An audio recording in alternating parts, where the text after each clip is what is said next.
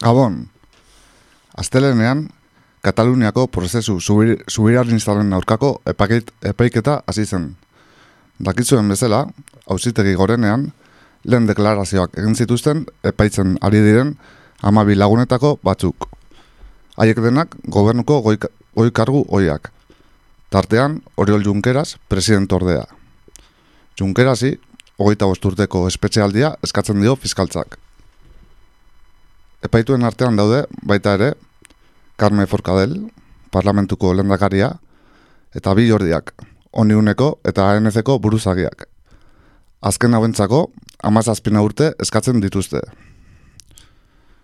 Lehen zaio hauetan, fiskalek epaituei beren militantzia politikoari buruz galdetu diete. Hau da, ANC, Omnium CR erakundei buruzko galderak nabarmendu ziren. Talde hauetako kide ziren edo eta mobilizazioetan parte hartzen zuten bezalako galderak nagusituz. Borroka eredu hori ari dira epaitzen. Alderdien gainetik dagoen herri mugimenduarena. Izan ANC, izan Omnium edo izan CR-ak. Hori nabarmen ikusi da epaiketako lehen egunetan. Espainiako abokatuaren, hau da, Rosa Maria Zeoanen gobertasuna ere ikusi genuen. Esan beharra dago, Zeoane, Espainiako gobernuak izendatutakoa dela. Manuel Marchena da epaimaiko presidentea. Hau ere, pesoek izendatua. Eta bere inpartzialtasuna ezaguna zaigu. Bitartean, aurrekontuen kontua, bolo-bolo izan dugu azken egunotan. Eta dakizuen bezala, Sánchezen aurrekontuak ez dira aurrera atera. PDKtek eta RZek kontrako boska eman ondoren. Historiako aurrekontu aurre, aurrerako jenak omen ziren. Hainbat, sasi sozialista eta ezkertiarek, Podemos tarteko, independentista katalanak egin dituzte, aurrekontu aurrerako joiek ez onartzaren erantzule. EAJak eta lendakariak ere berdina aurpegiratu diete independentista kataluniarei. Urkuluk adibidez, RZ-eri eta PDK-teri aurpegiratu duzien errealismo politikorik ez izatea. Orain ere, EAJ, estaturi gabeko nazioei, elkartasun keinoak egiten bere estiloan. Podemos eta Ezker Espainiarak aldiz, prozesuaren epeikatari buruz hitzik ere ez. Ez da elkartasun tuit edo txiorik ere naiz eta Pablo Iglesias edo Alberto Garzoni, ahoa eskubideak bezalako hitzez betezen zaizkien. Esan, esan izan hori da, eskuindarek, Espania gorria nahiago dutela, Espania apurtua baino. Baina argi dago, ustez, ezkertearrak direnek ere, nahiago dutela Espania urdinea, Espania apurtua baino. Eta hemen nazten da, gaur egur. Guten Tag, meine Damen und Herren. C'est la lutte contre le terrorisme. Katea ez da eten. Agirre, garaikoetxea, Gaur egur. Gaur egur. Gaur egur. Jolasten eta enredando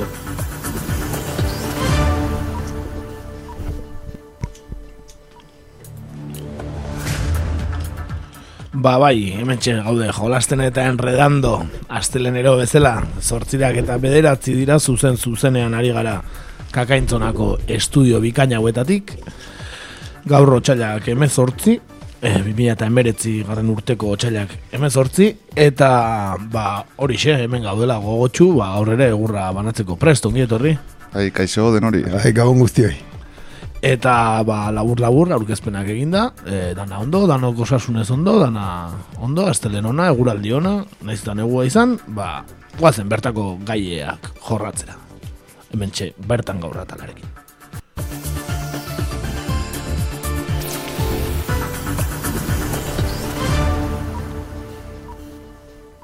Bertan gaur.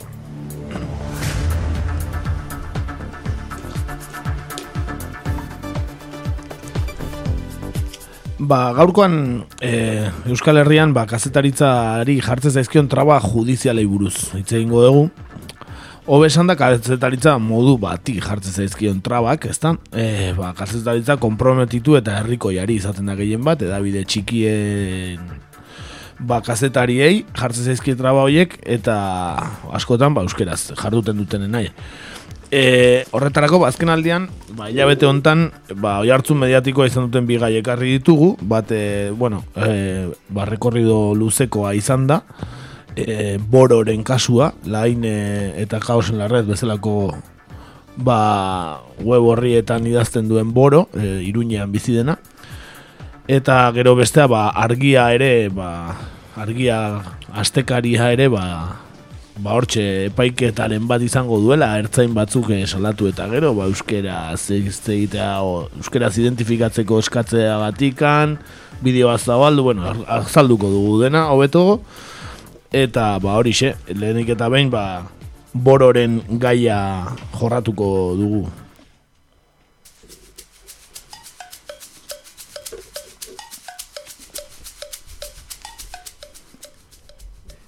Espetxean sartzen banaute, lenik eta behin, egin ez duan zerbaitengatik izango da. Nik ez bai dut inor jo, eta bigarrenik, nire ideia politikoengatik litzateke, beraz, nebre buruarekin arro joango nintzateke. Poliziaren muntaien erruz, kartzelan dauden beste asko bezala. Irunean biziden Jorge Correa kazetarearen hitzak dira, eta honela abiatu zen bere kontra jarri izan nahi duten mozelaren bidea. Boro gisa ezaguna 2008ko martxoaren hogeta bederatzean e, garaizailak bizitzea egokitu zitzaion borori. Ba bai, e, urriaren iruan, nepaitu zuten e, laine eta kaosenlarrez.net edabide digitalentzat manifestazio baten berri ematen ari zela atxilotu eta gero. Bi poliziari eraso egin izana egozten diote. Eta berak erabat e, ukatu zuen salaketa, bere inguruan zeuden kazetariek egiten duten gizan. Eta hauek grabatutako bideoek ere hala erakusten dute. Eta ahazturan erorio arazi dituzten arren, gogoratu behar da Espainiako estatuan gauza asko zalantzan jarri zituen mobilizazio ziklo kate bat egontzela hor, eta kaleak hartu zituzten garai bat izan zela 2008ko martxo gura. Ba bai, duintasunaren martxek milioi bat lagun baino gehiago atera zituzten kalera Madrilen. Eta poliziaren kargen ostean, e, lertutako izteiuek bide eman zieten urrengo egunetan atxilotuak askatzeko eskatuz deitutako manifestazioei eta ikasleen mobilizazioei. Herria asamledei eta plaza berreskuratzen saiatu zen kanpaldiari, besteak beste. Eta borroka asteura borobiltzeko gogoratu monorkiari jake lelopean manifestazioa deitu zela Madrilen bertan. Bai, poliziak etzien bertan bildutakoei ateratzen ere utzi, protestari eta kazetariak bultzaka hartuz manifestazioa bertan bera, geratu arren tentsio uneak bizi izan ziren. Eta borok kontatzen duenez, e, agentek bultzaka zeramaten talde bat ikusi eta argazkiak egitera urbildu ziren bikotekidea eta bera. Eta kamera eskuetan ikusi zutenean, poliziak beren aurka egin zuten. Gerta eren berri ematen ari ziren beste kazetariei ere, eraso egin zieten poliziek. Lesioak eraginez, kamera bat hautsiz eta profesional bat konorteri gabe ere utzi zuten poliziek.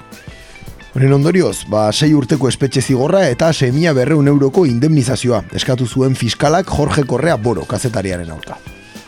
Eta azkenean, Madrieko zeigarren epaiteriak, e, aurreko urriaren emezortzean egindako epaiketan, kazetaria absolutzea erabaki zuen. Sententzia akzioenez, ez da borori egozten zaizkion ekintzak frogatzeko biderik ikusten, eta polizien testigantzen kontraesanak nabarmentzen zituen sententziak. Gainera, atxiloketaren unean erakusten eh, unea erakusten duten irudiak ba, kontuan hartu zituen eta kazetaria arrugabea dela esan zuen.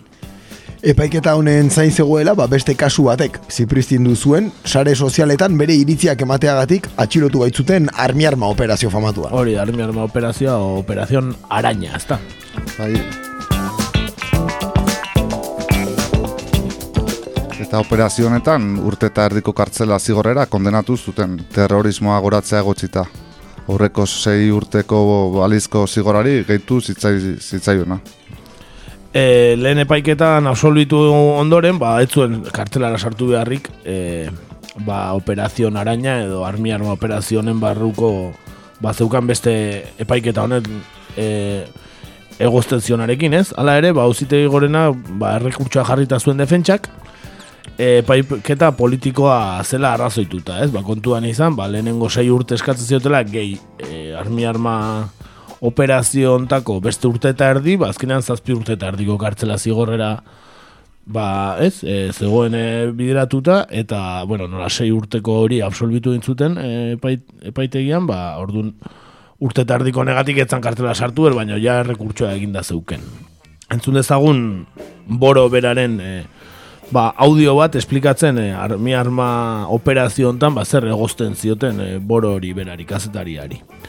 Entzun dezagun, hemen txe. que bueno, me pedían inicialmente año y ocho meses de prisión y bueno, finalmente fui condenado a año y medio acusado de enaltecimiento del terrorismo.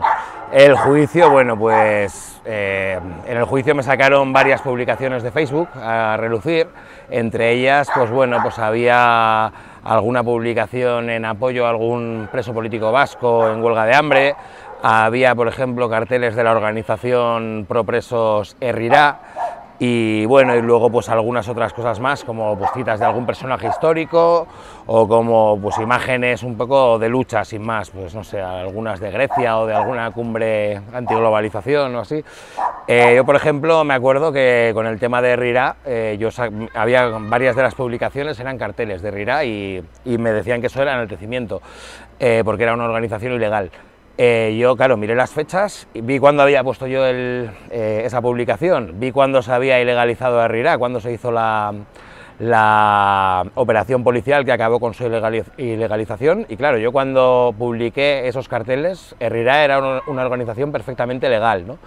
Eh, y bueno, pues por mucho, o sea, por muchas de estas cosas que, explicabas en el juicio, ¿no? Y que, y que cuando te preguntaban por alguna publicación en concreto, pues tratabas de explicarles, eh, no, pero bueno, esto es pues porque se está defendiendo los derechos humanos de una persona, por ejemplo, en huelga de hambre, o porque se está dando la bienvenida a algún preso que haya estado eh, muchos años privado de libertad, eh, pero no tiene por qué significar enaltecimiento de nada, ¿no? Parecía que la sentencia estaba ya dictada de antemano, ¿no? O sea, ya parece que en el momento que entras ahí ya saben muy bien pues, lo que quieren de ti, ¿no? Y al final eh, es una condena política, es una condena por tus ideas políticas, no, no, es, mm, no es por otra cosa, ¿no? O sea, no es porque lo que tú ya has escrito vaya a incitar a nadie a hacer nada ni nada de eso, ¿no? Es solamente condenar tus ideas.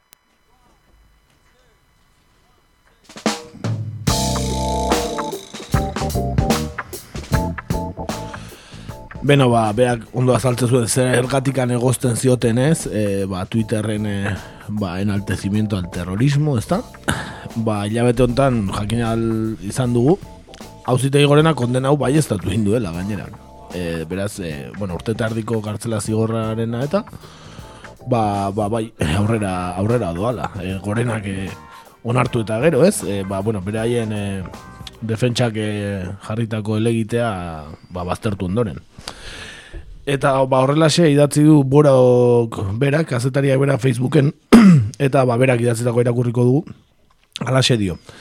El Estado español me condena para amordazarme y tenerme bajo la amenaza constante de cárcel, ya que aunque pediremos la suspensión de la, de la condena por ser menor a dos años y carecer de antecedentes, a partir de ahora ya tendré antecedentes penales.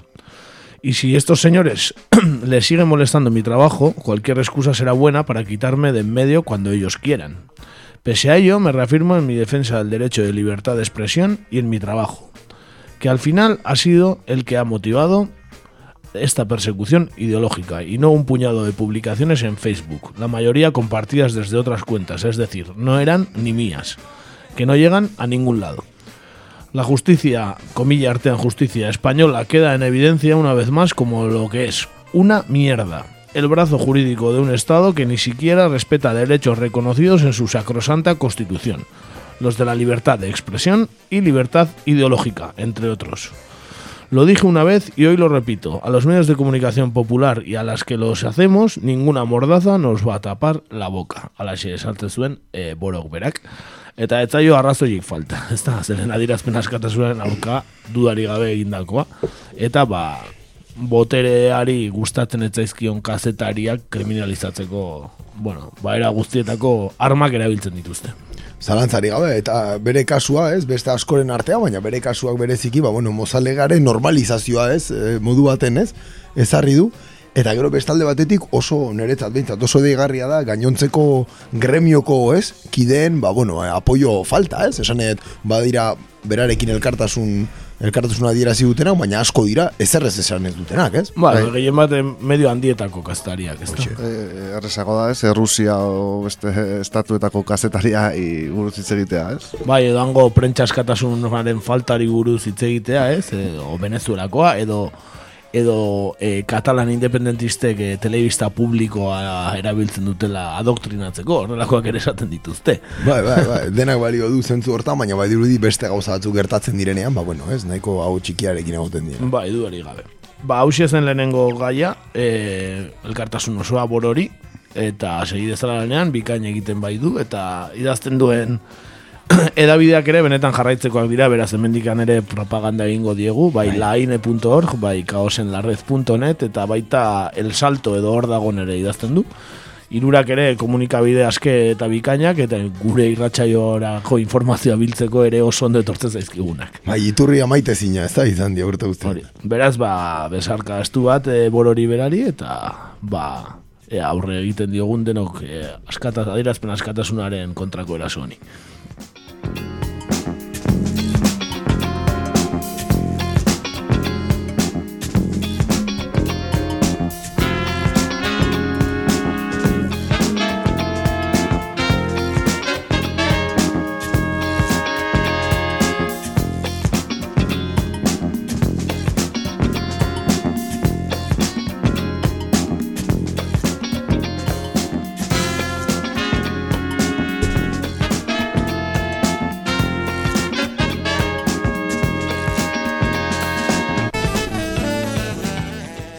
Ba, beste edabide bat baldin bada e, irratxaia prestatzeko ba, bastante bertatik edaten duguna, ba, iturri bastante oparoa izaten duelako, ba, hori argia astekaria izaten da. Duare, bai. Eta bertan ba, kazetaritza lanak egiten dituen lander arbela hitzek, e, ba, izan du beste afera bat poliziarekin. Bere garaian ere izan zuen gogoratuko zaete lehenengo herri arresia egintzenen e, Donostin nola atera zuten arrastaka eta soy periodista, que soy periodista, bulaka, ez? Ba, gazetari berberak, berriz ere, aferak ertzaintzarekin. Izan ere, bi bat bi bost eta bi iru zero lau lau gisa identifikatu diren bi ertzainek, salak eta jarri dute Donostiako instrukzioko bigarren zenbakiko epaitegian, argiako kazetari lander arbelaitzen aruka, joan den maiatzen hogeita batean Donostian pertsona bati, hizkuntza eskubidak nola urratu zizkioten garabatu eta zabaltzea batik. Bai, irainak egotzita bide penaletik salaketa jarri diote eta martxoaren hogeian Donostiako epaitegian deklaratu beharko du kazetariak. Argiako kazetariak bideoan grabatu zuen hizkuntza eskubideen urraketa eta sareatu egin zuen. Bideo honek milaka ikustaldi izan zituen eta oihartzun handia izan zuen ba, batez ere komunitate euskaltzalean. Bai, hizkuntza eskubideen behatokiak salaketa jarri zuen, ertzainek hizkuntza eskubideak urratu zituztela ebatzita. Eta ertzaintzak ofizialki barkamena eskatu zuen ustaian hizkuntza eskubideak ez errespetatzea gaitek. Hala ere, argia salatu duten bi ertzaina hauek ukatu egiten dute haiek barkamena eskatu izana. Eh? Ertzaina, ertzaintzak eh, instituzio modura eskatu zuen barkamena, baina ez ertzaina jente hauek. e, Euskaraz hitz egiteagatik eta Euskarazko harremana eskatzeagatik funtzionario publikoekin izandako tirabira baten ondorioa da bere isuna eta argiaren aurkako salaketa. Eta ertzentzak dio prentxaurrekoaren arduradunak identifikatzen ari zirela. Eta horiek hasieratik identifikatuta zituzten bideoan ikusten denez. Mozal legea zigortu duten pertsonaren identifikazioa gatazka linguistiko baten ostean gertatu zen, orain ertzainen lana oztopatzen ari zela argudiatzen badute ere, ezta? Bideoan argi ikusten baita. Zalantari gabe, bai, ertzainek haien aurkako irainak epatzen dituzte, baina une horretan, kazetariak behi aurrean zuen egoeraren interpretazioa besterik ez da. Eta hizkuntza gatazka baten ondorio dela, identifikazioa interpreta, interpreta, interpretatzea guztiz zentzuduna da eta bideoa da horren froga nagusia. Eta ba, bideoa ezin dizuegu jarri entzuleok, baina bideoaren audioa bai. eta bueno, naiz eta gauza batzuk agian ez diren ulertzen ez dituzuelako ikusiko, naiz eta gehienok seguru aski bere garaian bideoa ikusi zen duten, ba bueno, guk audio ekarri dugu ba pixka gogoratzeko behintzat. Hemen txedoa. Txetxe gabe esan Noski faltan. Sí, faltan. Pelikula faltan. Sí, faltan. Hombre, pues faltan denei, baina Yo te estoy, yo te estoy. Ah, ¿sabes en castellano? Te voy a dar, ¿eh? Deneia, euskeraz, euskeraz hitz egiteagatik, deneia? Euskeraz hitz egiteagatik? ¿Sabes me está hablando? No tienes que pedir el DNI, no tienes derecho. Euskeraz hitz egiteagatik, han deneia? Eh?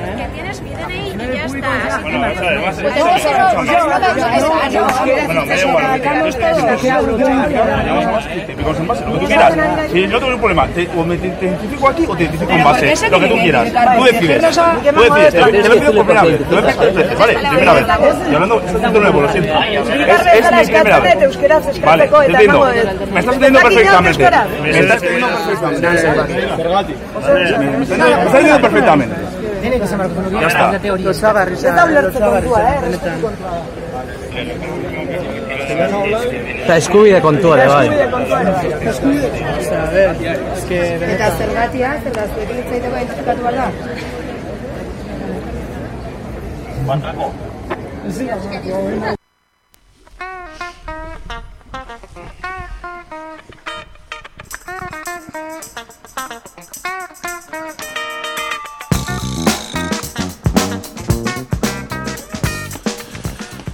Beno, eh, dana ez zen ulertzen, ba, jende eh, askok batera hitz egiten duelako, eta, bueno, mobil batetik gradula zegoen, eta ez da oso ondo ulertzen, eh, bideoan ikusi ezkero asko zobetu ulertzen da.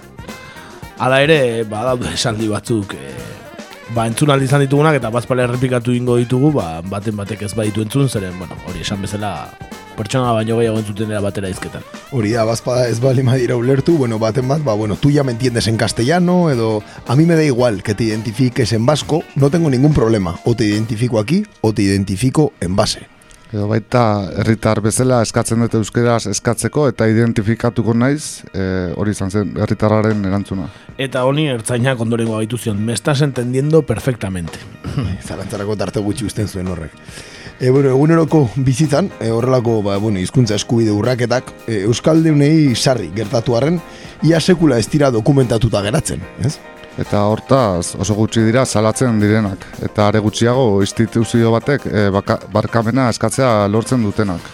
Ba, guzti honegatik garrantzitsua da, interes publikoa duen kasu hau ba, gizartean zabaltzea, ez? Zeren hori, esan bezala, hontan bideoan grabatuta geratu da, baina, bueno, nik uste dut Euskaldun askori gertatu zaizkigun gauzak direla, ez? E, ba, funtzionario publikoei euskeraz egiteko eskatu eta ba, jarrera eta erantzun txarrak eh, topatzea. Aurpegi txarrak eta, ez?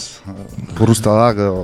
Bai, bai, eta, eta funtzionario publiko horiek polizia direnean, ba, agian gauza gehiago ere, bai. Hoxe ez, e, gauza bada ez, ambulategian gertatzen denean, bueno, egia da gutako askok, ez, erlazio gehiago edukidugula e, funtzionario publiko poliziekin gainontzeko funtzionario publikoekin baino, ez? Bai, momentuz bai, urteak aurrera joan ala agian bestelako funtzionario batzu gehiago zautuko ditugu, baina. Hori da, ez, bueno, bromak aparte, egia da, e, bueno, gaur egun ertzaintzak errepresentatzen duen instituzio hortan, ez? E, zalantza gutxi dagoela, Euskarari etzaiola inungo balioerik eman sekula, ez? Ez dago, e, e, gremioaren prioritateen baitan, ez? Ez ez, inundik inora, eta hemen ikusten da, ez? E, ba, Baina gusten da, ba, bentsata jente batzuei, ba, eta dela bat ere gustatzen, e, ba, herritarrak euskera zuzentzea, eta nola, bueno, ba, polizia direnean ez dauden ohituta herritarren gandik, e, ba, es, eskubide eskakizunak entzutera, ba, ba, ba, batzutan oldartu, o bentsat erantzun txarrak, eta ba, identifikatzeko eskatu ere, bai, ez da?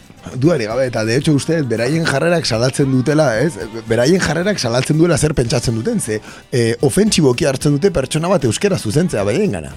Hau da, ofentsa bat bezala, jakinda bere eskubide bat dela, ez? Areta, gehiago bera funtzionario publikoa izan da, noski. Bai, bideoan ikusten da eta audioan ez dena argi geratzen da, eh, esaten du pertsona honek identifikatuko naiz euskeraz eskatu ezkero eta ertzain batek euskeraz eskatzen dio. Ah, vale. Eta orduan deneia ematen dio e, pertsona honek esaten dio euskeraz eskatu ezkero identifikatu naiz eta beste ertzain batek etzaionak ia entzun ere egiten, baina bideoan ikusten da esaten diola euskeraz e, ba, identifikazioa eman, ez da izar? Eta orduan harri ematen dio deneia, ez?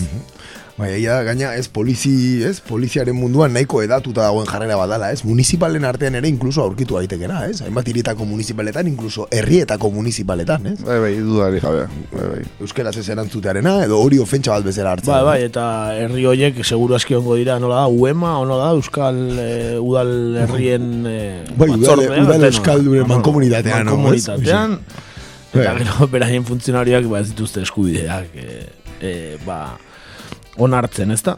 Beno, kasu asko daude, hala ere, hau ere, adierazpen askotasunaren aurkakoa da, zenen kazetariak bideoa grabatu, e, zabaldu zuen esanez, e, ba, Euskaldunen eskubideak urratu zirela e, Donostiako plaza hartan, egun hartan, eta ba, orain salaketa iritsi zaio bideoa edatzeagatik, gainera. Beraz, bere kazetari lana egiteagatik e, iritsi zaio salaketa. Duare gabe, ez, eta berriro ba mozal legea atzean, ez? Berriro beste. Mozal legea, e, go, e, esan dut, e, gazteizko parlamentuak onartu ez zuen mozal legea aplikatzen e, ba, komunitate autonomo ontako polizia, eh? Bai, bai, Beste horrela. behin ere. Beste behin ere. Kanpoan erabakitzen diren legeak, ba, bueno, hemen ezartzen, eta eta ikusten danez indarrez, ez? Bai, eta gaina ez, ez dala esan zuten ez zutela implementatuko, ez zutela onartzen, bai EAJak ere esan zuen hori, eta gero, ba, beraien menera dagoen polizia, ba, begira, ez da lehenengoa, eh? Ustet, e, hilero edo astero daudela mozal legearen kontuko, e, bueno, epaiketako denuntzia bintzat. Etzaien gezki etorri azken finean, mozal legaren. Ez, ez dut uste e, polizia gehiegi oso kontra daudenik, eh, mozal legearekin, eh? Agian politikari batzu bai, baina poliziak ez. Ez, ez, desde luego.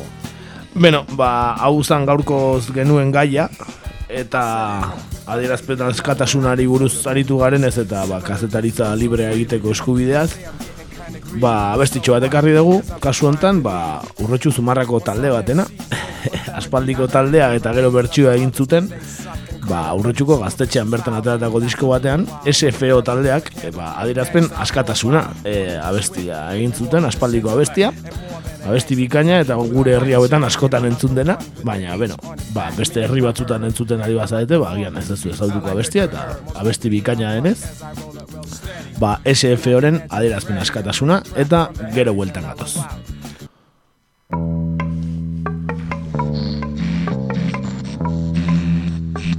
Euskaditik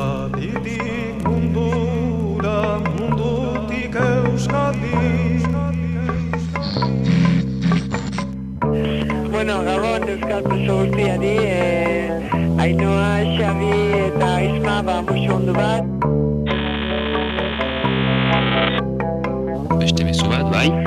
Bai, ¿se acuerda? Bai, zuri da, eh? Bai, que eso, que, sepan que aunque no nos dejen, hay muchas madres y hay mucha gente que está deseando de solidarizarse con la gente que está ahí dentro. Entonces que nunca van a poder, ¿vale? Eh, buena puta, puta, ra, buena euskal herria. يا رؤساء العالم نحن نريد السلام. يا رؤساء العالم نحن نريد السلام.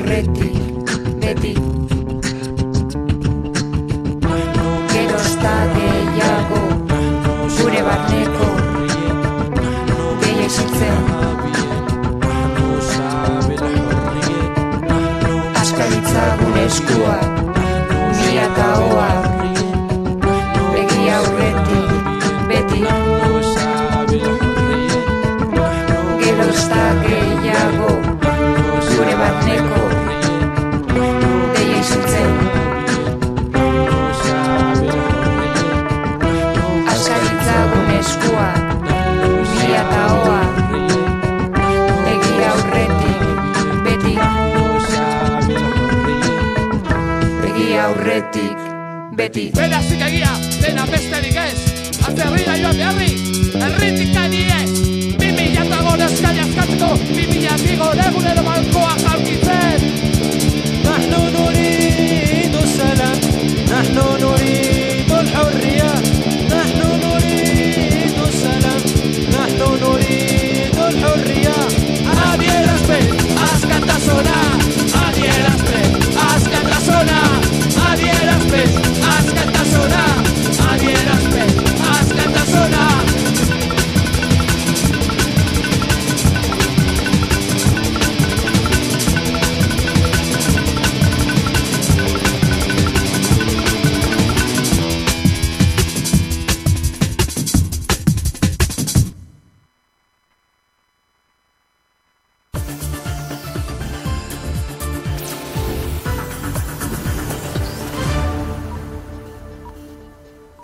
Nazioartean gaur.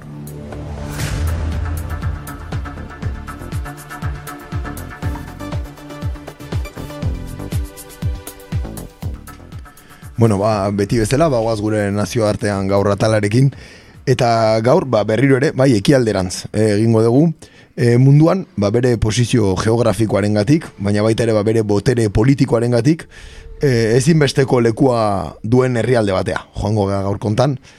E, ja bete hontan, berrogei urte, betetzen dira Iranen, iraultza islamikoa, hasi zenetik, eta gaurkoan, ba, bertan, gertatu zenari helduko diogu.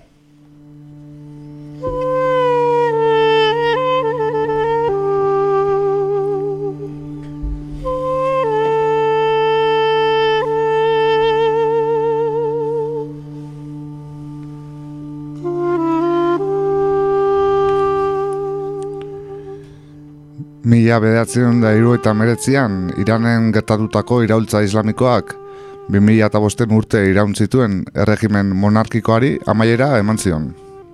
Gertatutakoa etzen egun batetik bestera suertatu, monarkia eta klerigo xiiten arteko talkak oso aspaldikoak baitziren. Bai, emeretzi garren mendearen amaieran, Irango xak, edo erregeak, Britaniarrei Persian ekoizten zen tabakoaren gaineko erosketa eta salmentaren monopolioa eman ondoren, klerigo xiitek oposizio politiko indartsu bat jarri zuten martxan, xa bere erabakian atzera egitea behartuz. Eta mila behatzen dagoita marrean, e, goita margarren amarkadan, monarkia eta klerigoen arteko lizkarak berriro piztu ziren, xak lege islamikoak, mendebaldeko legeekin ordezkatu zituenean. Lege berri honek islamiar arropa tradizionala, sexu bereizketa edo nikabaren erabilpena debekatu zituen, eta horrek protesta handiak eragin zituen amarnaka hildako utziz.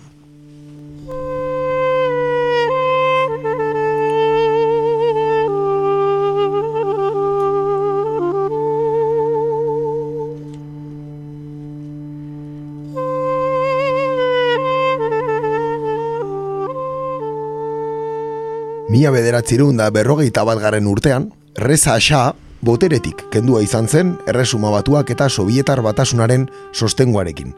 Eta bere semea, zen Muhammad Reza Palevi, bihurtu zen Irango Shah berria. Eta Reza Shak, e, bigarren mundu gerako aliatuen artean, simpatia gutxi zuen. Alemanian naziarekin leherkoatu baitzen gerrak iraun zuen bitartean. Boterera iristean, alderdi politikoak alderdi bakarrean batu zituen, erregearen alderdian. Eta irango herritarren gutxien gora iritsi zen modernizazio kanpaina bat jarri zuen abian. Laizismoa, emakumeen bozka eskubidea, eta hainbat latifundioren espropiazioarekin. Txamponaren beste aldean, ezarritako politika ekonomikoak egon ziren, asko zutenen aberastasuna handitu eta herritarren gehiengoaren txirotzea areagotu zutenak. Eta gainera, Reza Pallebik, xeak, xaren gobernuan eta herrialdeko botere egunetan zegoen korrupzioa, eta estatu batuen eragin nabarmen da, uka, uka ezinak ziren. Estatu batuak eta Reza Palebixa interes aman komun batek elkartu zituen. Sovietar batasunaren espansioaren aurkako estrategiak. Bai, honen arira, ezkerreko mugimenduak, baina baita ere mugimendu nazionalista eta erligiosoak, gogor erreprimituak izan ziren, saaren sabak izeneko inteligentzia eta segurtasun nazionaleko erakundearen aldetik. Asko dira, irango iraultza islamikoaren sustraiak, mila bedatzireun da berrogeita mairu garren urtean kokatzen dituztenak. Urte horretan, MI6, MI6 inteligentzia zerbitzu Britainiarrek, Mohamed Mossadek lehen ministroaren aurkako estatu kolpea antolatu baitzuten.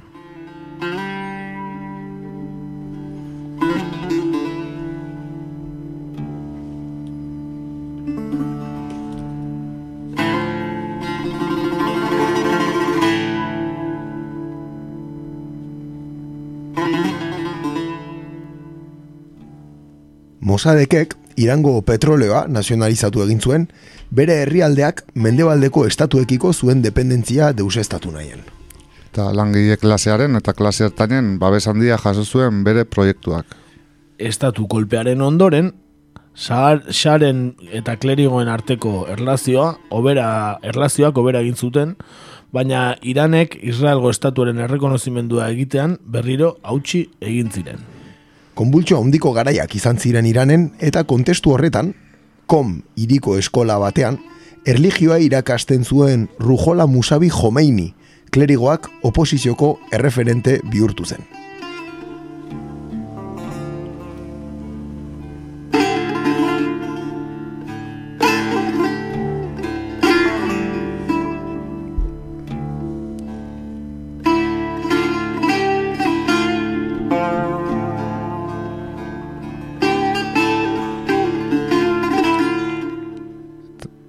Mila bederatzen da irugaita irugarren urtean, jomeni atxilotua izan zen, xea iraren islamaren zuntzitzea nahi zuen gizon miserablea zela esan ondoren.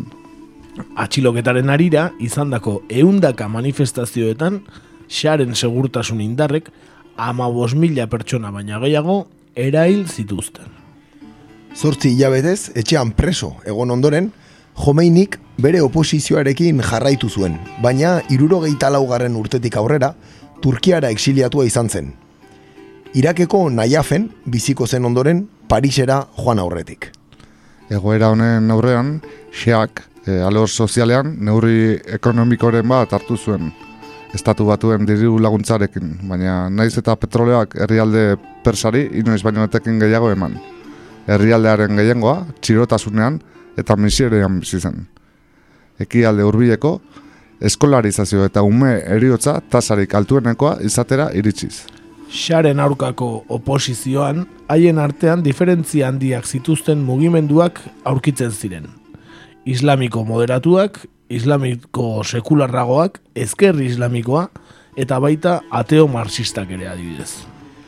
Bai, eta oposizioaren alik eta sektore gehien berarekin lerrokatzeko, Jomeinik Sharen erregimenaren arlo ekonomikoari eutxi zion. Batez ere ustelkeriari eta ezberdintasun sozial handiei, bere asmo sekularrei garrantzi gutxiago emanez.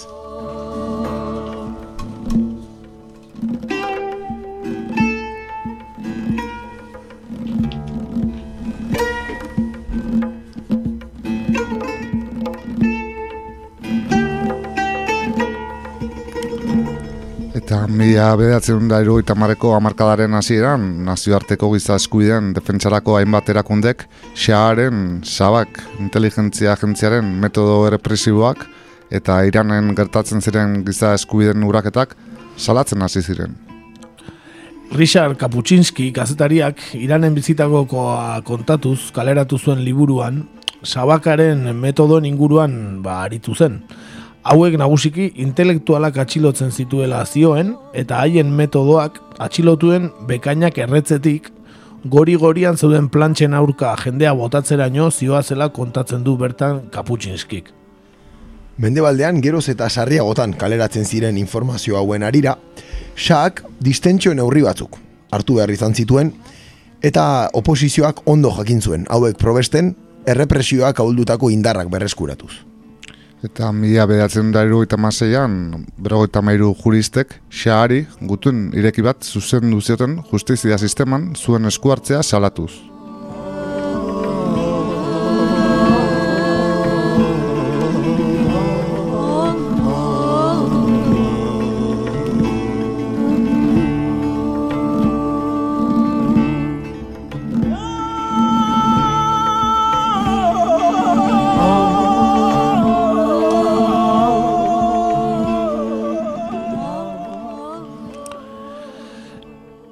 Eta juristen e, gutun ireki honen ondotik, ba, e, idazle eta jurista edo klerigo eta hiritar gehiago ausartu ziren ba, xaren aurkako kritikak ba, publiko egiten.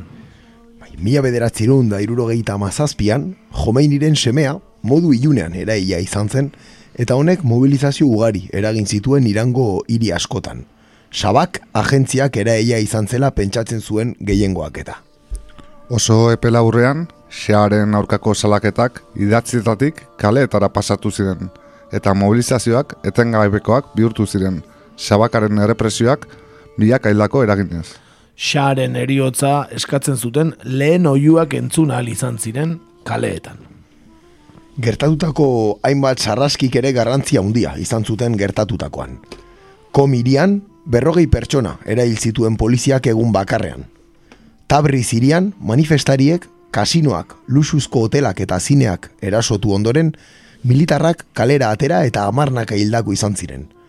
Tabrizen eraildakoen ondorioz antolatutako protesta eta grebetan beste eundaka hildako ere izan ziren. Eta egoera honen aurrean, xeak, neurri arrund batzu kartu zituen. Adibidez, filma pornografikoak debekatu zituen, xabakeko burua kargutik endu zuen, eta urtero egin zen peregrinazio baten parte hartu zuen. E, gauza guzti hauek, ba, pixkat e, giroala esaitu bazuten ere, e, bila bete geroago, abadan irian zegoen Rex Cinema errezuten barruan lareun pertsona zeudela. Ekintza hori sabakaren eskuartzea, ekintza horrek sabakaren eskuartzea zuen zuela zabaldu zenean, protesta gogorrak hasi ziren berriz ere kaleetan.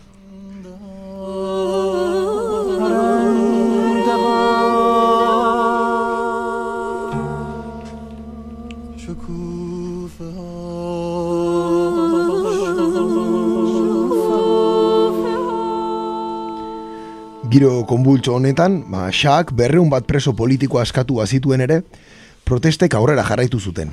Eta iruro geita emezortzigarren urteko iraiaren zazpian, Teheranen bosteun mila pertsonek independentzia, askatasuna eta errepublika islamiko alemapean manifestazioa egin zuten. Eta oposizioak edo bere zati garrantzitsu batek gobernu islamiko baten naia aderazi zuen lehen aldiz. Bere gobernua best, ba beste aldera xak manifestazioak debekatu zituen, baita lege martziala aplikatu ere. Urrengo egunean, iritsi zen historiarako ostiral beltza izenpean geldituen eguna.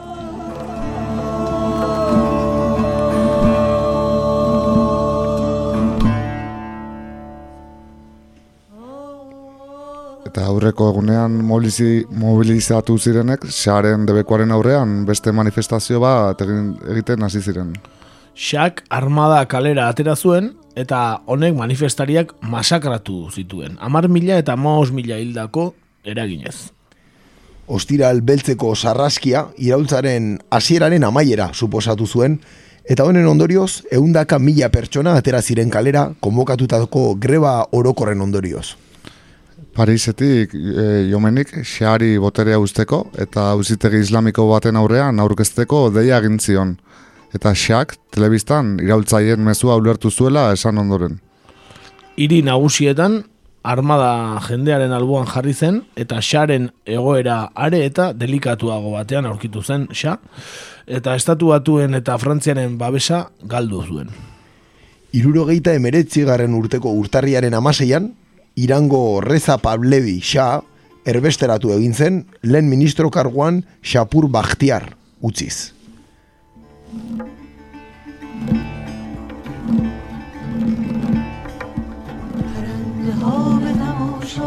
ها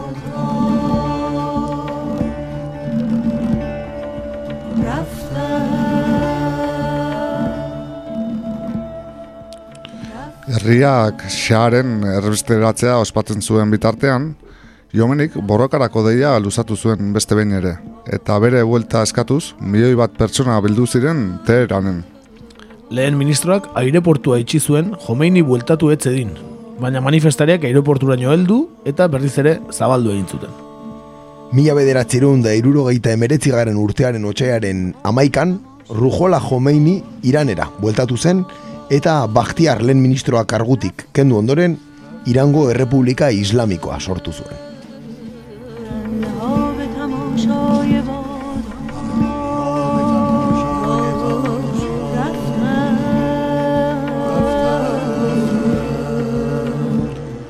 Eta ala bazan edo ez bazan, sar daila kala bazan, eh? Eta azaldu daila teherango plazan.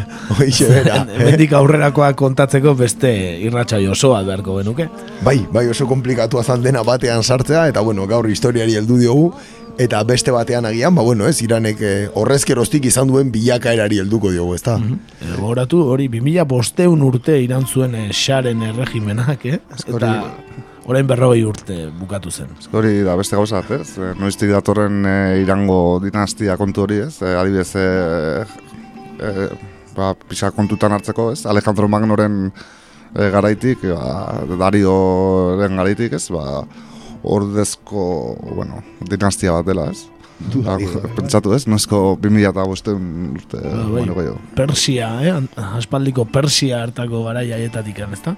E, Sikiera ez dakit mundu osoan egongo ote den, ez? E, hogei garren mende arte, ez? Hainbeste urtez, ez? Luzatuen dinastiaren bat, ez? Bai, eta iz- bere hizkuntza eta bere ez, eh, kultura, ez, batean mantendu duena, eh? Osea, hori garbi, eh? Duari, ah, eta gero gero egia da, irango irautzak ere suposatu zuela e, e, iraultzen modelo horretan, ez? E, gauza nahiko aitzindari bat, ze kontutan euki behar da, etzela kolpe militarrik egon, bai? Bestalde batetik, herritarren partizipazio masiboa euki zuela, iraultza horrek, bai? Eta, bueno, ez? Ba, hogei garren mendearen bigarren, ez? Zati hortako kontestuan e, oso iraultza gutxi egin dira, ez? Ba, premisa horiek izan gabe, ez? Bai, gero, eh, horrek ere izan ziren ondorioak, eh? Adibidez, gero Irakenko gerra, ez? Ba, ondorio zuzen izan zen, ba, Irango estatu islamikoari aurre egiteko adibidez, eta, bueno, dakizuen bezala Saddam Hussein zen eh, Iranen etxain nagusietako bat, eta, bueno, eh, bere gorra, eh, gerra ura adibidez, eh, esaten dutenez oso oso latza izan zen, ez? Bai arma kimikoak eta, bueno, esaten dute oso, Napala eta... oso bortitza izan zela, ez? Ere, esaten dute lehenengo mundu gerraren antza handia izan zuela, ez? Gerrarek, ez? Eta, e, bueno, empate tekniko bat edo, bueno, e, bezala, e, bueno, naiz eta irantzat garaipen izugarri bat izan zen, eta hortik aurrera esaten da, ez? Erregimena ba, oso indarturik atera zela, ez? Duari gabe, ez? Eta hor lortu zutela pixkat ere, ez? E, ba, islam txiitaren, ez? E, lehenengo adierazpen politikoa, ez? Plazaratzea, ez? Mundura eta estatu bat sortzea, ez? Bai, ordura arte estatu guztietan suniak ziren eh, agintari, ezta? Hori da, ez? Eta pixkat ere egia da, gerra horrek hori ere indartu zuela, ez? Irautzan lortutako botere politiko txiita hori, ba, indartzea lortu zuela. Bai. Eta gaur egun, ba, esan daikez, ba, Iranek izugarrizko hegemonia daukala, ez, lu- bere inguruan, eta ba, adibidez esaterako, ba, lehen bere txai handiena zen Irak, bara gaur egun beste estatu txita bat dela, eh? Zaik agintean darenak e, Iranen aliatuak dira, eta hori, bueno... Inorke luke esango orain dela hogei urte, ez? Eta bai, eta aliatua dira, eh? Orantxe bertan, eh? Eta, bueno... Eta gero horregia da, badagoela ere, ez, zantzu kultural bat, ez? Adibidez, e, txiiten e, doktrinan, bai, e, erligioak politikaren, po, bizitza politikoan, bai, parte hartzea eduki behar duela agertzen da. Bai, suniten kasuan adibidez ez da horrela. bai, ez da hori agertzen, eta egia da, ba, bueno, Iran horren espresio bizia bihurtu dela, ez, azkenean. Bai, noski, eta bueltatu ze iraultza islamiko honetara, ba, ebe, ba, nabarmendu nola, bertako erregimenak nahi izan zuen europeizatu pixkat herria, ez? Naiz eta, er, bueno, biztanleen kontura izan, ez? Ba, bueno, ba, nahi izan zuen eh, erlijioarekin hautsi eta abar? Eta, bueno, ba, hori ere, ba, beste herrialde batzutan nahi izan dute europear izatu, ez? Europear komila arteko demokraziak eraman, eta iranen ez zuten inundik inola lortu. Bat ere, bai, de hecho, ez zuten inungo erreparorik izan, ez? E, ba, bueno, Alemania naziarekin, ez? E, ba, bueno, simpatia ukizuen pertsona bat urtetan mantentzen boterean, ondoren egia da behaiek, ez? Ba, derrokatu zutela pertsona hori, baina, bueno, bere semean jarri zuten, eh? eta ez oso diferentea izan ere, ez? Por cierto, bere semearen inguruan, ez? Irango azken xaren inguruan, e, bueno, e, hiru dato nahiko, ba, bueno, nahiko argigarriak, bai, bere exilioan, bai, gutxi iraundu zuen, ze urte betera hiltzan, bai, minbizi batez, e, bere exilioa Marrok, Marokotik pasatu zen, baita Ekuadorretik ere, Bahamatan ere izan zen, Mexikon, Estatu Batuetan eta Panaman. Bai, bere exilioan, azkenean Egipton bukatu zuen, Anuar el Sadat e, e, presidenteak bere babesa eman ziolako, eta eta beti esaten da xa honen ez bertan egon zien, bere hiletan egon zien pertsonak, e, beraien bizitzan ikusi zuten hileta opulentoena eta eta aberatsena izan zela. Mm. Eh, beti komentatu izan da, hainbat e, presidente bertan egondako, edo hainbat diplomatikok, ez zutela sinisten ikusten zutena, ez? Zenbat diru zegoen horrez. Obviamente lapurtutakoa. Eta zergatik hainbeste herrialde, turismo egitea okurritu zitzaion edo? Izan daiteke, izan daiteke, inorketzuen nahi agian, ez? Frantziak eta estatu batuek beraien sostengoak kendu ondoren agian inorketzuen nahi patata bero hori gordetzea, ez? Bazpa ere, ez da? Hori da, egia da herrialdeen artean ere, ba bueno, ez zuela geizki aukeratu, ez? Maroko, Bahamas, Estatu Batuak, Panama, bueno, hortxe. Bai, Panaman diru batzuk gutzi, eh? Eta gero, eh? Hango kanaleko kontuekin, eta...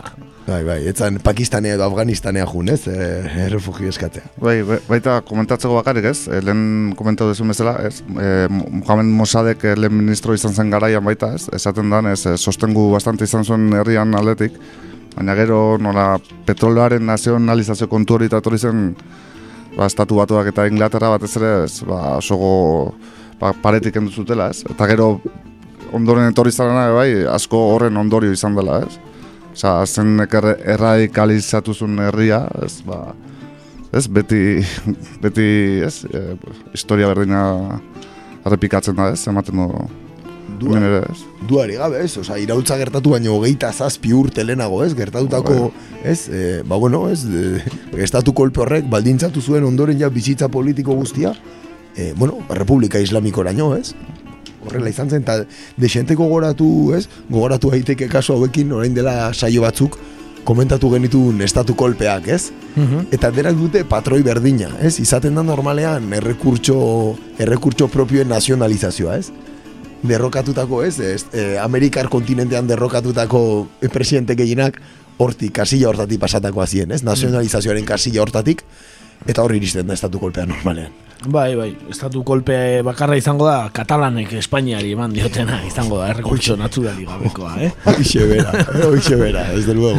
Espainia regala esatutu dago, estatu kolpea jo dutela, eh? Katalanek. Bueno. Ba, beste guztietan ez da, ez da horrelako betetzen, eh? Benetan. Tejerorena, noski. Ba, bueno, bai, tejerorena ere etzan petroleoagatik izan. Ez, ez, ez. bueno, eh, beste indumentaria batzuta zari, ez da. Bai, beste kontu batzuetaz. Gauza serioagoak agian. Ez da, bueno, ura ere serioa izan zen, baina, bero Bai. ez zuten nahi izan, se, serio egin, ez? Da, oixe, oixe, bai, bai, bai. Boize esan dako ez, agian besten baten e, iraneko ez, kontua ekarriko dugu, ba, pixkat ja gaur egun arte izan duen bilakaera ere, ba, aztertzeko eta eta kritikarako ere noski. Ba, bai, kontu berriagoak ere, bai, gogoratu, ba, hor inguru horretan, oraintxe bertan ere gerran daudela, eh? Siriaren kontuarekin, kurduak, eta Turkia ere sartu da kurdistanen, eta dena hor, dena hor bertan dago, Bai, eh? Eta Iranek, eh, bere hegemonia izugarri zabaldu duela azkeneko urteetan, ez? Kristona, kristona, hor badago Arabia Saudirekin daukan, ez, leia hortan, e, puntuak irabazten ari da, eta inkluso areta gehiago ez, estatu batuak ba, lortutako pakto nuklear horretatik juen ondoren, ez? Orduan ba, hortxe dago, ez? Akordio nuklearraren kontu hori, bai dirudi agian ez hain denbora luzean Iran berriro jarduera nuklearretan hasi daitekela. Ikusiko dugu, tra, Trumpek ere esan du hautsiko duela ituna, eta ikusiko dugu, ze posizio hartzen duen bakoitzak, edo Trumpek ere bere, bere hitza betetzen dituen. Bai, bueno, bueno, Errusia Iranen aliatu nagusia gaur egun, eta bueno, horre... Dena komplikatzen du, Bai. ezta? Baite Indiarekin duen komertzio harin hori, ez? Ba, nahiko ez baian jarri du beste hegemonia, ez? Le, Bueno, leku horietan. betidaniko herrialde bat ari gara, esan dugu, eh? Persia mitikoa, ez? Eta Iran, eta orain ere munduan, ba, garrantzi handiko herrialdea, ez? Eta nola da, e, gaizkiaren ardatz hortako partaide, ez da? Bai, bai, bai, egia da, bai, bai, bai. Askotan ekar zitugu, eh, gaizkiaren ardatzekoak, eh? Bai, Ez da bai. gu ere ez ardatzetan egongo gehan, eh? Nahiko afizionatuak, eh? Hor- Horren dela gutxi, eh, Trumpek esan zuen, eh, nola da, eh, Iran zela gaur egun munduko terrorismoa... Eh, Patrozinadore handienetako bat, ez? bai. Bai, desenta astu zituen, ez? Eh, Saudi Arabia, Europar batasuna eta Turkia ere astu zitu, baina, bueno. Eta etzan jun ispilura behitzea, ere. Hori da, ez die zaiogun buelta gehiago, eh, eta, eh? Bueno, horrela izaten da, ez? Beno, azkenean. ba, e, honekin e, gaurko ziran ez hitz egin behar genuena, gogoratu berrogei urte bete ziren aurreko astean, ba, iraultza islamikoa bete zela, eta Jomeini e, iritsi zela berriz ere iranera, eta ba, bestitxo bat ekarri dugu gaur egungo talde batena, oso egia esan e, erligiosoak ez diruditenak, e, egia esan. E, The Yellow Dogs ekarri dugu, Teheranen sortutako talde bat, e, ba, neska eta mutilek osatzen dute, eta ritmo dantzagarriak egite dituzte, eta oain Nueva Yorken bizi dira. Eta, bueno, bere bideoklipak eta ikusita ez du ematen, bueno, alaren fedea gehiagi jarraitzen dutenik, baina ez dakigu. Ala ere ez dakigu. Gaur egungo taldea da, eta, bueno, ba, ritmo dantzagarriak iranetik, ezenek esango luke. Eh? Entzuten egon gara edo entzuten ari gara musika tradizionala, irango musika tradizionala, ba, oain dakarkigunak ez dagoen inungo zer ikusirik. Ba, hau eta gero, efemerideak. Guazen entzutera.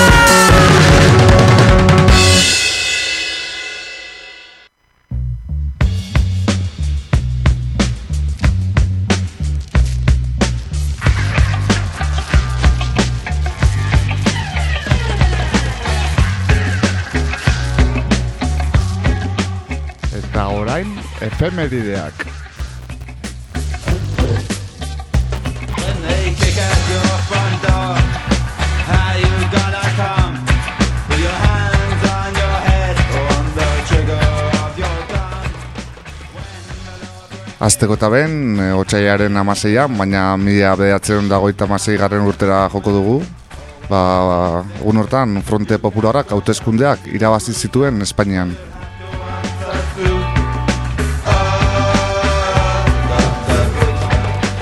Eta otxailaren amaseian, baina mila bederatzireun da laro eta bosgarren urtean, Hezbola talde islamista Libanoarra sortu zen. Orain, e, hogeta mala urte.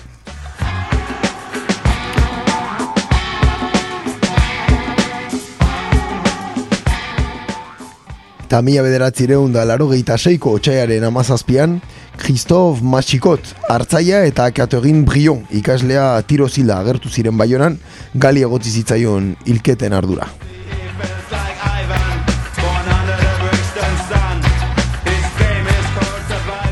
Bi mila eta zortzigaren urtean, Kosovo independentzia aldarrikatu zuen.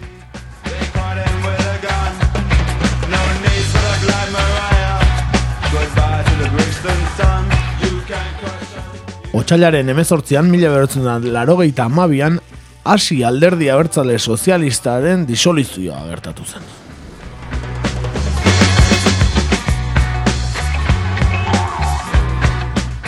Eta otxaiaren emezortzian, baina 2000 eta zortzian, ertzaintzak zazpikatu gaztetxa ustu zuen Bilbon.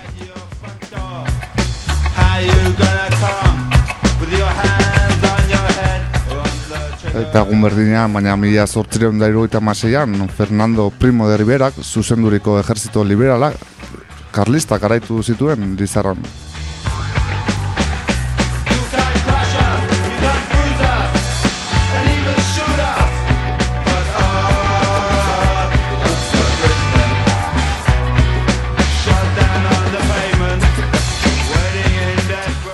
Otsailaren emeretzian, biharko egunez, ba, mila beratzen da larogeita batean, etak eta erakundeak, e, Uruguaiko kontxula baitu zuen Bartzelonan, eta Austria eta El Salvadorrekoak Bilbon.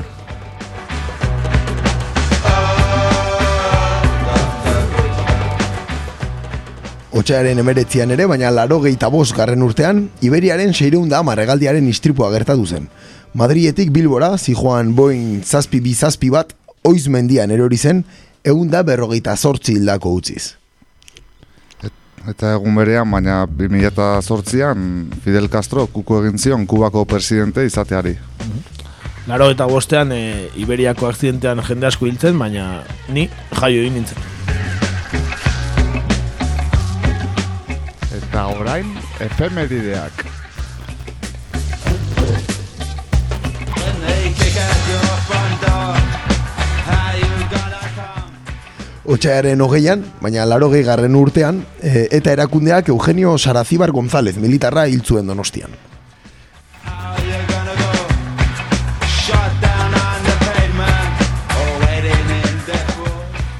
Eta egun berean, baina 2002an, Espainiako Auzitegi Nazionalak Euskaldunon egunkaria izteko agindua eman zuen.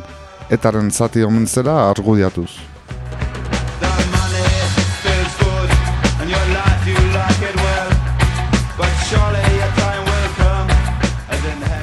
Otsailaren hogeita batean, mila zortzion da berrogeita zortzian, manifestu komunista lehen aldiz argitaratu zen. Karl Marx eta Frederick Engelsek idatzi zuten, eta Liga Komunistaren eskariz izan zen. Alderdi Komunista Internazionalaren aitzindaria zenak.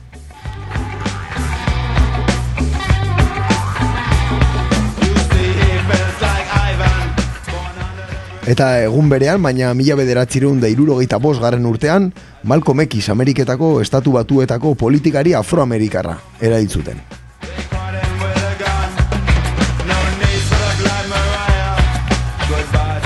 Eta otsa, otsaiaren hogeita bian, baina mila bederatzen dagoita zeian, Alfonso Amairugarrena Espainiako erregeak urorako trenbidea inauguratu zuen. Eta... Udolako trenbidea, Zumarragan. Eta aurretxun. Hori da, eta beraz, eh, gaztelekun egongo zen, ez? Hori da, agian bai, ezakigu ziur, baina agian urretxuko gaztetxea denean, egontzen Afal, Alfontxo amairu garrana. Argazkiak, nik ikusita dauzkiten argazkitan, hemen gazteleku kanpoan azaltzen da. Bai, ez? Bai, bai. Ba, Alfontxo amairu garrana egontzen urretxuko gaztetxean. Eh? Azken orduan etortzen hoietako bat dirudi. Bai. Bergarako gaztetxean angiolillo hil zuten adibidez, kartela zela, baina hemen ere, ba, Alfonso amairu garrana egontzen, baina ez zuten akatu.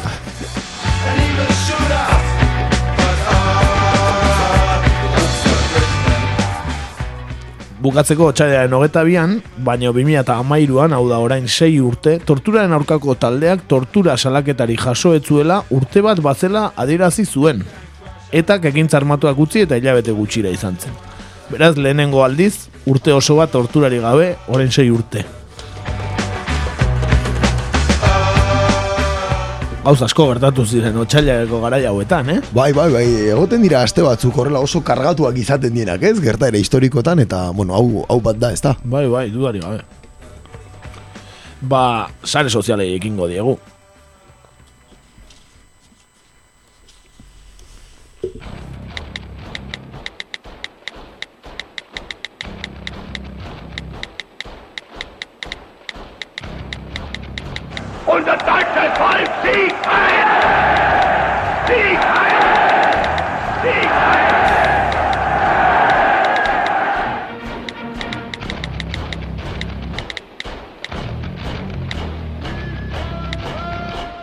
Badatoz SSA. Sare sozialetan egur.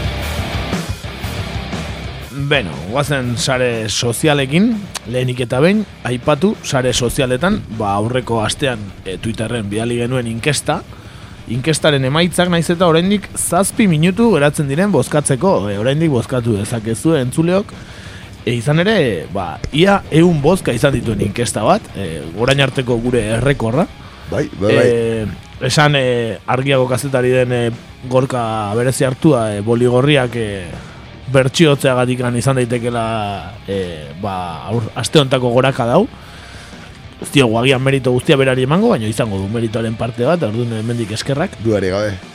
E, ba, galdetuko nuen, Paloma Zorriak zein alderditan izan dezakeen lekua orain, ba, bakizuenez, boxue utzi eta gero, Bueno, ba, gure entzule fidelek ba, argi dute. Euneko berrogeita batarekin unidad alabesa berfundatzea nahi dute. Nola ez, nola ez. Enriqueta Benitoren itzala luzea da benetan. Benetan, e, beretzako leku aproposa izango litzateke lengo astean ere esan genuen guretza favoritoa zela, unidad alabesa, eta ala gertatu da, ezta? Eta zergaitik? Ba, alaba como España, ez? Como Navarra, barkatu, alaba como Navarra, ez? Alaba como Navarra, Alaba ba, orain Navarra como Alaba, igual. Eh, esan eh, bigarren sortuk eh, atera duela, eh, bigarren posizioa, eh? Euneko geta maikarekin, hor ere igual izan dezake tokia, eh? Egon nahi, hauteskunde die eta postuak banatzek igual sortu beste inguru batzuetan, eh? Beste kaladero batzuetan atera nahi ditu bozkak eta hortarako paloma zorria egokia izan daiteke. E, edo zein kainabera balio ezak. bai, kainabera latza palomarena. Euneko emezortziarekin falangek, hor ere, hor toki politxe izango luke. Klasiko bat, ez, hori da. Baina, nola, bere senarrak abortuak egiten dituen, ez dakit falange konartuko luken. Eta euneko amarrarekin ekuo. Ekuo, baino azkereko posizioan. Hala ere, aipatu, pertsona batek komentario utzi digula, e, morena debote da, e, Twitterren, eta esan du UPN. Ah, bueno, UPN izan ere ez, probabilitatea. argi eta garbi izan liteke, ez da? Bai, bai. UPN tokia izango luke, bozera maile modura dudari gabe. E, ba hori lehengo asteko kontuak eta orain aste hontakoa ekarriko ditugu.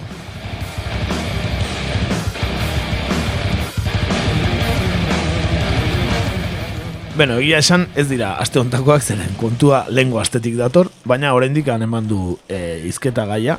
Izan ere aurreko igandean e, kolonen egin zuten, e, bueno, ba, ba, benetako Espainiarrek egin zuten eh, manifestazio hartan, ezta? Kolonoskopia dituko diogu. Kolonoskopia, bai, kolonoskopia bikaina egin zuten, eh? Benetan, eh, ba, ba, lan demoskopiko bat egiteko balioko luke, eh? Bai, bai. Kolonekoak, hasi kolonoskopia dituko diogu.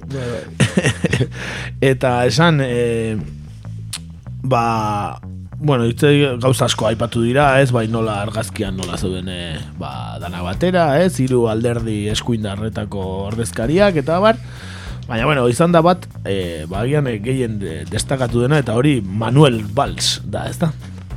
Eta alaxe, Manuel Valls hablando en francés para una televisión, televisión francesa, zala Rusia Today eh, ko, eh, ba, jate frantsesa edo. Bai. Una señora por detrás le dice esto. eta hauntu nahi dugu. Benetan ez bai dauka, ba, entzutea beste oberik ez dago, begira. Manuel Valls frantsesez eta atzetik emakumea. La Constitution espagnole, 40 ans de démocratie exceptionnelle, l'État... La Constitution espagnole, 40 ans de démocratie exceptionnelle, l'État... La Constitution Eh, arriba, espagnole, 40 ans de démocratie exceptionnelle, l- l'État... hablando en catalán? ¿Qué está hablando en catalán? Frantsesez ari da. Frantziar telebistarako Espainiar konstituzioa babestenez, justo hortaz ari da. Bai, bai, bai. Eta eta emakumeak ba, que está hablando en catalán. Qué vergüenza, qué vergüenza, señoría. Lan demoskopiko ontarako, ba, bikaina, ez? Kolonoskopiaren eh, proba bikaina. Benetan. Kristana, kristana, Manuel Vaz, aprobet, eh? Ondo. Aprobet total. Bai, bai. Adibidez. Maruja Torresek esaten du, el transformista Manuel Valls ha llenado su cuenta de instantáneas en la que departe con Vargas Llosa, primero de Perú y cuarto de Preisler, en un intento de convencer a Europa de la que hoy ha sido una manifestación de intelectuales. Ah, en una sale también Tony Cantó. Beretan ondo, Maruja Torres. Buena, buena. Ba, aipatu eh, Manuel Valls eh, jakingo ez bezala Bartzelonako alkatetzarako hautagaia da eh, Ciudadanos alderdiarekin Frantziako lehen ministro izan dakoa, eh? Bai, bai, eta trayektoria oso luzekoa, oso oso luzekoa gainera, eh? Bai, bai, eh, barne ministro ere izan zen Bai, Sarkozik eskaini zion barne ministeritza, bera alderdi sozialistako kide zenean, eta, bueno, ez ezkoa eman zion, baina ia ia bihurtu zen, FN-ko ietzaiek izki erortzen ere ez, bueno, denetarako balio du gizon honek. Ikaragarria, bueno, ba, ba, e, ba Twitterren kontu bat, CNI Katalunia deitzen dana, eta ezakigu esaten ditunak egia diren edo ez, baina, bueno, ematen du, ba, ikertu duela pixkat Manuel Balsi buruz, eta esaten du lehen, lehenik eta Manuel Valls ha evitado foto con la extrema derecha que quiere cerrar TV3, aplicar 155 y restringir la sanidad a inmigrantes. Y se, se ha fotografiado con Albert Rivera que quiere cerrar TV3, aplicar el 155 y restringir la sanidad a inmigrantes. Benetan, egia dana, baina jarraitu egiten du. Sí, Pero claro, eh, Susana Gallardo, que es la que mantiene a Manuel Valls, es de los puntales financieros de Ciudadanos. Poderoso caballero es don dinero. Hablemos de Susana un momento. Y hablamos de su progenitor, que esto le viene de familia. El presidente de los laboratorios Almiral y un facha de Santiago y Cierra España. Ba, Gallardo difundió en Almiral, Gallardo padre, ¿eh? Susana Onenaita, días antes del 21 de diciembre de 2017, un vídeo en plan mensaje institucional ordenando a sus empleados de los laboratorios Almiral que votaran a Ciudadanos. El vídeo, de estética casposa, por decirlo suave, flipó mucho a su audiencia forzada. Recordarán a Susana porque fue la que dijo haber votado cuatro veces el 1 de octubre, incluso haciendo un montaje en vídeo. Luego, con la boca pequeña, admitió que se lo había inventado todo. Ahí va, Susana, ahí va, Susana. Concho. Ba, dirudienez, Susana hau se encaprichó con Manuel Valls. Ahí era, y inició con él un torrido romance. Le puso un piso pijo como ella y le paga su pre-campaña. Beraz, ez dakigu, Susana honekin dabilen eh, Manuel Valls, edo ez? Hosi dio CNI Katalunia, baina, bueno, diruduna da bintzat, eta bere kanpaina ordaintzen omen dio. Pero ahí, a Susana no le llevas la contraria fácilmente. Y eso en un partido político en plena guerra interna significa adeptos y detractores a partes iguales. Ba, CNI Kataluniak bukaerako valorazio bezala esaten dio Manuel, te pusiste a echar a gitanos de Francia porque no te gustaban y te acabaron echando a ti por facha. has ido a parar al partido político que te mereces, disfrútalo. ez da garrazei falta, ez da? Ez dakigu zein den, baina zenei Katalunia... Enteratuta dago, ez da, ematen du behintzat. Aipatu Manuel Balsek eh, gaineratzeko, ba, aste honetan Euskal Herrian egon dela. O, aurreko astean. Izan ere, e, intzutuzten Fernando Mujica eta Gregorio, Gregorio Ordoñezen e, omenezko kontuak eta bertan egon zen. Eta berak idatzi zuen e, Twitterren, Manuel Balsek, si Fernando Mujica y Gregorio, Gregorio Ordóñez pudieran volver a vivir, estoy seguro de que trabajarían juntos por el bien de todos. Nosotros que sí que estamos aquí deberíamos hacerlo. La libertad, la convivencia y los valores de la Constitución son lo más importante. Eta gero traola modura San Sebastián, bertan egontzela gotonostian, ezta? Joder, Manuel. Bai, Manuel. Bertan trajektoria bikainekoa da eh, politikoa, eh? Kristona. Ikaragarria. Gero ez Bai, eta bai. Ez dakigu, Bartzelonan ze aterako den, agian alkate aterako da, zein daki. Nor daki, ez da, lehenengo aldi izango horrelako sorpresa bat dagoela, ez da? Eta bueno, tiroia dauka bere mundilloan, eh? Bai, ez da. Bai, izango du. Esan, e, bitartean inkesta bukatu dela aurreko astekoa, ez azpinitu ziren, eta euneko lareta malauakin, unidad alabesa, euneko berrogeita batakin, unidad alabesa irabazi duela, argi eta garbi. Ba, orain, aste hontako txioa bidaliko dugu, eta nola Manuel Valls eta zari garan, ba, guri otu zaiguna da, ba, ez duela irabaziko Bartzelonan alkatetza, eta orduan ba geldituko ganez horre partido zurt, ez? E, ba, zer, zer egin gote duen, zer herrialdetara joan gote den, ba, bere trajektoria politikoan jarraitzeko. E, eta orduan horrela galdetuko dugu. Bartzelonako hauteskundetan e, Manuel Balsek emaitza txarrak atera ezkero, zein herrialdetan egingo du urrengo saiakera? Eta guk lau aukeratu ditugu, baina ba, nahi zuen edo zein idatzi dezakezu. Gu pentsatu dugu agian ona Euskal Herrira etorriko dela. Ja, lengo astean hemen izan da, agian eh, bidea, Bai. bidea ikasi du. Eta... Ez dakiguna, hegoaldean edo iparraldean, nola, bueno, Frantziar estatuan ere badukan e, rekorridoa, ba, ez dakigu hegoaldean edo iparraldean nun, nun txertatuko den. Beste balitzateke Andorran, ez? Ba, Frantzia eta Katalunia artean, ba... Seguro, bidea ere badakiela, eh, Bai. Andorrara. Sí, ziur bai, ez bai. ezagutuko du. Beste balditzateke Venezuela, agian eh, presidente, de, bi presidente daudenez orain ez, bere burua legitimotza dutena, ba, agian bera ere joan eta, eta bueno, autoproklamatu daiteke presidente. Zergaitik, ez, irugarren bat, ja, total, ez? Maduro go- ongi hartuko du agian. Bai. Seguruena, bai, Eskuzagatik. gaur Pons eta bezala, ez da. Bueltan etorri direla, eh? Pepeko, bueno, Europako alderdi popularreko kideak, eh? Bai, ez, ez, Edrimsekin hartuko zuten, ez, igual estoa, eh? Beraien vueloa hor defekto bat egon da forma. Bai, ez, ez, Ryanairren, etzitzen sartzen ekipaje handiegia. Ah, joder. Hori, motxila neurtu inbar da etxetik atera aurretik, joder. Hala, hala izan behar du. E, aipatu beste azkena Kongoko erreku, errepublika jarri dugula, ba, bueno, Frantziak e, badituelako altzaparrak Afrikan eta agian ba, Afrikan e, jarrai dezake bere bizi politikoa Manuel Balsek Bartzelonan alkate ateratzen ez bada. Zatik, bueno, argi ikusten dugu ez badu irabazten ez dela oposizio buru bezala geratuko. Que, ba, ez da bere estiloa. Ez zinegotzi bat bezala ez dut ikusten, eh? Ez, ez. Manuel, irabazteko jaioa da, Manuel. bai, bai, orain arte igual. Gure iritar katalan frantzesa, ez da? Eh, bueno, ba, hemen txedoa txioa, eta ba, zuek esan, zazpi egun dituzue bozkatzeko.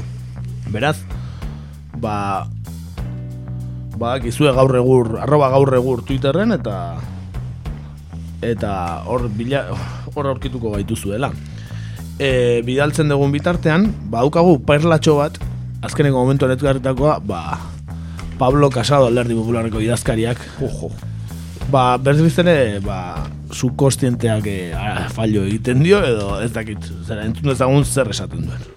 La gente sabe perfectamente que cuando Susana Díaz sale a hablar de corrupción no tiene ninguna credibilidad. Que incluso cuando Felipe González viene a dar lecciones de corrupción tampoco tiene ninguna credibilidad. Pero el Partido Popular sí que tiene que tener credibilidad para hablar de corrupción. Porque es nuestra seña de identidad. Es la seña de identidad del Partido Popular, ¿eh? La corrupción. Jode, amén, eh? Lehenengo gauza zentzura entzun dio dena Benetan Pablo ikara, Casabori. benetan ikara. bueno, eh, Oso subkostientea fallo egin dio eta hala esan du. Es que tiene credibilidad, badauka credibilidad. Nik uste eh, Rajoy txiki geratu daitekela, eh, kasoen ondoan, eh, eta es el, alca el pueblo, el, que, el vecino el que elige el alcalde eta oie danak, baino perla handiagoak igual utziko dizkigula, kasado, Bai, eh? bai. Denbora emango diogu. eh? Bai, bai, hemen dio gaztea da eta ukiko du. Bide politiko luzea izango duelakoan gaude.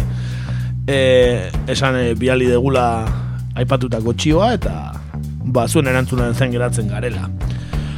Amaitzeko, amaitzeko ja bukatu ja gaurkoz, ba, e, gure korrespontxal berria, Ego Amerikan gure korrespontxal berria den eta ja da gure lagunaen Winston birakatxak, ba, biale dugu notiziatxo bat. Ondo, ondo, Winston. Ba, bere lanak ondo betetzen dituelako. Ogun on, e, aste hontako berria da, ez da, ez da kristoren berria, baina... Orduan, ja, lortu du berriz ere... Bai, ematen du, e, zer, reporteria e, ekipoa berreskuratu duela, o berri bat erosteko dirua aurreztu duela. E, egia esan, ba, kontua da, orain kontan, e, Kolombiako poliziak, ba, Tumako herrian, ba, er- herritar mexikar bat sekuestratzera zijoatzen sei atxilotu dituztela, e, e, ba, sekuestratzera zijoatzenean, ba, itera zijoatzenean mexikarrau, eta ba, horren berri zeinek emango digu, ez baldin bada Winston birakatxak, gainera Nariñoko departamentuan da, bere jaiot e, herrian edo. Horrondo mugitzen da. Bai, bai, oso ondo, beraz, ba, azkenik, ba, Winston birakatxaren berri honekin uste zaituztegu, eta, ba, bintzat informatu gaitzan, ez? Hortarako kolaboratzaile zuzena bai da kakaintzen erratiarekin, gure Winston birakatxapa, ba. Beraz, entzun dezagun. Agentes de la Policía de Tránsito y Carretera Seccional Nariño frustran el secuestro de un ciudadano de nacionalidad mexicana. A la cárcel judicial de Pasto fueron enviados estos seis hombres capturados por agentes de la Policía de Tránsito y Transportes en un puesto de control en la vía que de Junín conduce a Llorente en la zona rural de Tumaco, costa del Pacífico nariñense. Según el fiscal que adelantó las investigaciones, efectivos del Gaula le venían siguiendo los pasos a estos seis hombres quienes viajaron desde Cali con una sola misión. El día de hoy, siendo aproximadamente la una hora, unidades de Gaula, Policía Tumaco, nos informan que tienen conocimiento acerca de un vehículo tipo camioneta color azul donde se moviliza un grupo de personas de sexo masculino quienes viajan desde la ciudad de Cali Valle al municipio de Tumaco, Nariño, a realizar el secuestro de un ciudadano nacionalidad mexicana en el corregimiento de Llorente del municipio de Tumaco, Nariño. Asimismo, los funcionarios de Gaula indican que en dicho vehículo se ocultan y transportan armas de fuego tipo pistolas y granadas de fragmentación que serían utilizadas para llevar a cabo el hecho delictivo en mención. El juez primero ambulante con función de control de garantías legalizó la captura y de inmediato profirió medida de aseguramiento en establecimiento carcelario. En Pasto, Winston Viracachapaba, Noticias RPTV. Eskerrik asko, Winston birakatxa. Aupa, Winston birakatxapaba, mila Formazio esker. benetan bikaina, eh? Erreportai bikaina gen dugu. Ona. Kolombiari buruz. Eta denbora laburrean material asko ekartzen duena beti. Buah, ikaragarrizko abiaduran hitz egiten du, eh? Ikaragarria, vamos, Rayo McQueen. Eskerrik asko, Winston birakatxa, pava, eh, desde el departamento de Nariño, en el pueblo de Tumaco. Costa Pacifense. Costa. Pacifense, Eh? benetan ikaragarria. Bai, bai, bai, bai. Ba, asko posten gara bere erreportaria, eh, erreportari ba, jokua eh, berreskuratu duelako, eta benetan ikaragarrizko kazetaria dela. Beraz, eh, jarraipena egingo diogu, beste urrengo asteetan ere, ba, ekartzen dituen albisteekin, hontan, ba, con granadas eta zer gehiago zandu. Granadas de fragmentación, tipo bat, sekuestratzeko, baina zer nahi zuten hor, ze, hamburguesekin afaltzeko. Ez da git, ez da git. Benetan ikaragarria. Ine bada. Beno, ba, horixe gaurkoz e, geneukana, datorren astean ere hemen izango gara, fin-fin, eta besterik ez, e, azken abestitxo bat ekarri dugu, nola Frantzian ezaguna den Manuel batekin eh, aritu garen gora eta bera, Manuel Balsekin, ba, Frantzian oraindik ezagunago den beste Manuel bat ekarri dugu, Manu Chao. eta bere azken abestietako bat ekarri dugu, Pe- Peki Peki Son. Eta aipatu, ba, bere manutxau.neten abestiak eh, doain jeisteko aukera dagoela, benetan eh, detalle politan. Eta ba, aurko abesti bat ekarri dugula. Beraz, eh, ba, urrango astera arte, hemen eukiko, duzu gaur egur berriz ere, datorren astean, eta manutxaurekin osta zaituzte gula. Hori da, bitarten gaiztok izan. Aste hona pasa. Manutxau peki peki son.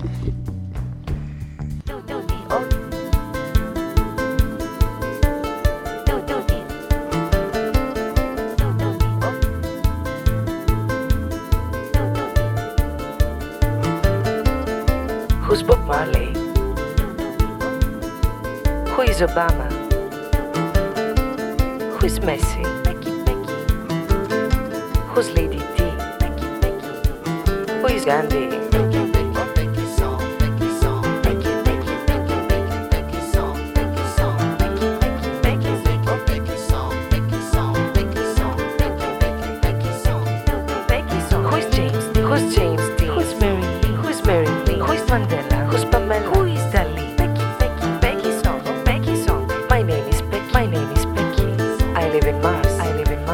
So far away, so far away. No vanity, no vanity. Becky Song, Becky Song, Becky Song. Who's Lady Gaga?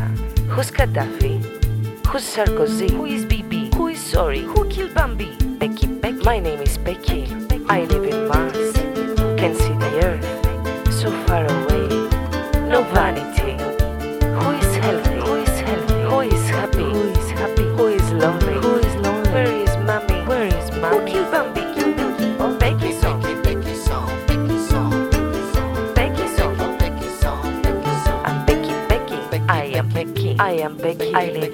I live in Mars. Can see the earth. Can see the earth. So far away. So far away. I can see lights. I can see lights. Thousands of lights. Thousands of lights. They think